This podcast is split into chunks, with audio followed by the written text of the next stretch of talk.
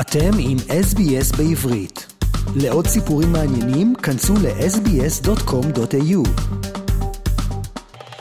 שלום עמית, שלום למאזינות ולמאזינים. השבוע החולף עמד בסימן חג סוכות, כאשר ישראלים וישראליות אה, רבים מאוד יצאו לחופשות, רבים מהם לארצות הברית, לכל קצווי תבל, ועוד יותר לחופשות כאן בארץ וגם בסיני אצל שכנתנו הקרובה. אבל גם החגים במקומותינו כמובן אינם רחוקים מעימותים, אם בעניינים פוליטיים ואם בעניינים אחרים. נתחיל באירוע המביש שהתרחש לפני ימים אחדים בעיר העתיקה בירושלים. היה זה כאשר קבוצה של יהודים, רובם חרדים, ירקו בפומבי למראה נוצרים שצעדו מולם בעיר העתיקה בירושלים.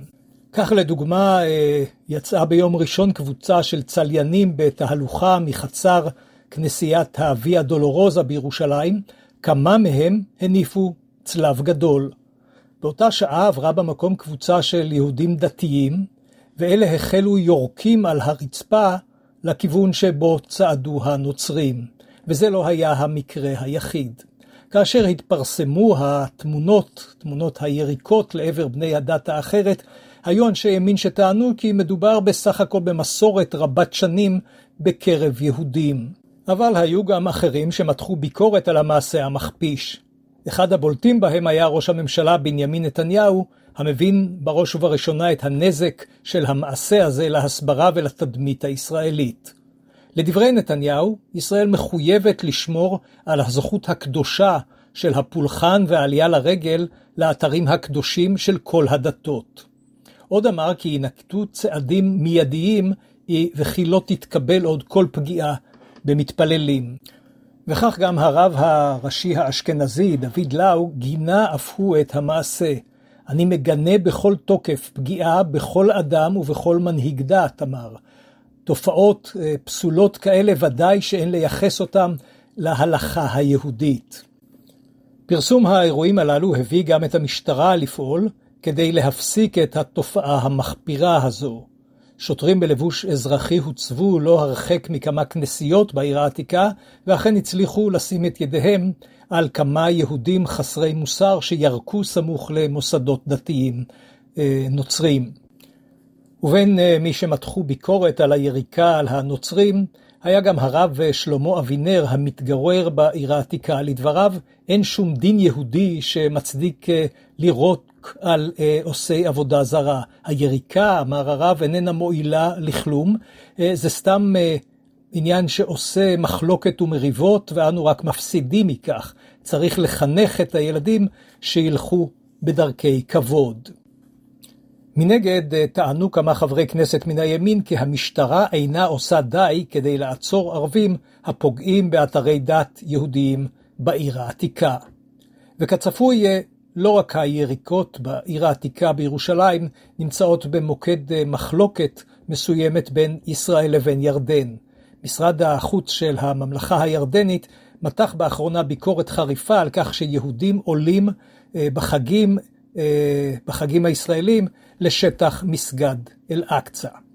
לכל הנושאים הללו יש גם קשר לאחד הנושאים המרכזיים בשבועות האחרונים, וזהו המאמץ לכינון יחסים מדיניים בין ישראל לבין ערב הסעודית. שורה של שאלות עומדת עדיין על סדר היום בטרם יכוננו היחסים בין אה, סעודיה לישראל ושגריר ישראל יוכל להגיע לבירה הסעודית. אחת מהן אה, היא החשש מכך שארצות הברית תתיר כחלק מן ההסכם לקדם אה, פעילות גרעינית בסעודיה. ומנגד יש את הדרישה האמריקאית שישראל תעניק לפלסטינים מחוות שונות כחלק מן העסקה. ממשלת ישראל מעוניינת כמובן לקדם את היחסים עם סעודיה, אך בכל הנושאים הללו יש סוגיות שהן עדיין פתוחות לדיון. נראה כי שר החוץ האמריקאי טוני בלינקן יגיע בקרוב לישראל וגם לרשות הפלסטינית כדי להתמודד עם הסוגיות המורכבות הללו. כן, וגם השבוע ראוי להזכיר את אותו נושא שעסקנו בו כבר כמה וכמה פעמים, וזהו הקטל המזוויע בקרב ערביי ישראל. השנה טרם הסתיימה, אבל כבר נרשמו כמעט 200 מקרי רצח. רבות דובר בשנים האחרונות על, על התופעה החברתית, על המצב שבו בקלות רבה כזו נרצחים ונרצחות ערבים וערביות. בשבוע האחרון שוב גברה הביקורת מצד חוגים שונים בציבור הישראלי בכלל ובקרב הציבור הערבי במיוחד. במיוחד אה, בולטת הביקורת נגד השר לביטחון פנים, איש הימין הקיצוני איתמר בן גביר. השר השנוי במחלוקת מדבר בעיקר על הפשיעה החמורה בתוך הציבור הערבי, אה, למרות שידוע כי אה, לא רק מדובר בפושעים המעורבים במעשי הרצח, אלא גם בקרובי משפחה. כאן מדובר בעניין חברתי עמוק, וממשלת ישראל טרם הואילה לגבש, יחד עם אה, מומחים חברתיים ומומחים ממגוון של תחומים, דרכים לטיפול בבעיה הזו. אפשר בהחלט לומר כי זהו כישלון מחפיר של החברה הישראלית ושל ממשלת ישראל. ובינתיים ישראל חוזרת לשגרה.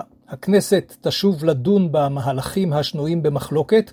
הנושא העיקרי הוא אה, שוב המאבק על יוזמות נתניהו לשנות ובעצם אה, להפוך באופן משמעותי מרכיבים אה, בעלי חשיבות רבה במערכת החוק והמשפט בישראל. לא ברור בדיוק מה עשו בימי החופשה חברי הכנסת של הימין והחרדים, אבל מתנגדי היוזמה לא נחו. ההפגנות רבות המשתתפים בישראל, בתל אביב, במקומות שונים וגם בעולם, נמשכו גם בימי הפגרה של הכנסת. ראוי להזכיר, המדובר לא רק בתפיסות פוליטיות, מדיניות וחברתיות, אלא גם בסוגיות כלכליות, כי מאז החלו הדיונים על החקיקה השנויה במחלוקת, שילמה ישראל גם מחיר כלכלי לא מבוטל. ישראלים רבים, אנשי כלכלה וגם אזרחים מן השורה, העבירו את כספם למדינות אחרות, והיו מי שהשקיעו גם בקניית בתים מעבר לים. ומי שמטיל ספק בנזק הכלכלי, ודאי שם לב לידיעה על כך שערכו של הדולר בישראל מתקרב ל-4 שקלים. זוהי בין היתר תוצאה של תהליכים עולמיים, אך אין ספק כי בישראל היא מואצת בגלל העברת ההשקעות מישראל לחו"ל, וגם ירידה בהשקעות בישראל בשל חוסר הוודאות לגבי השינויים בחקיקה השנויה במחלוקת.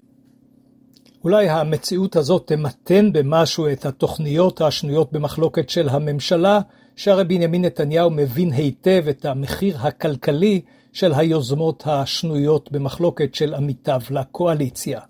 עד כאן רפי מן המשדר מירושלים לרדיו SBS בעברית. עקבו אחרינו והפיצו אותנו דרך דף הפייסבוק שלנו.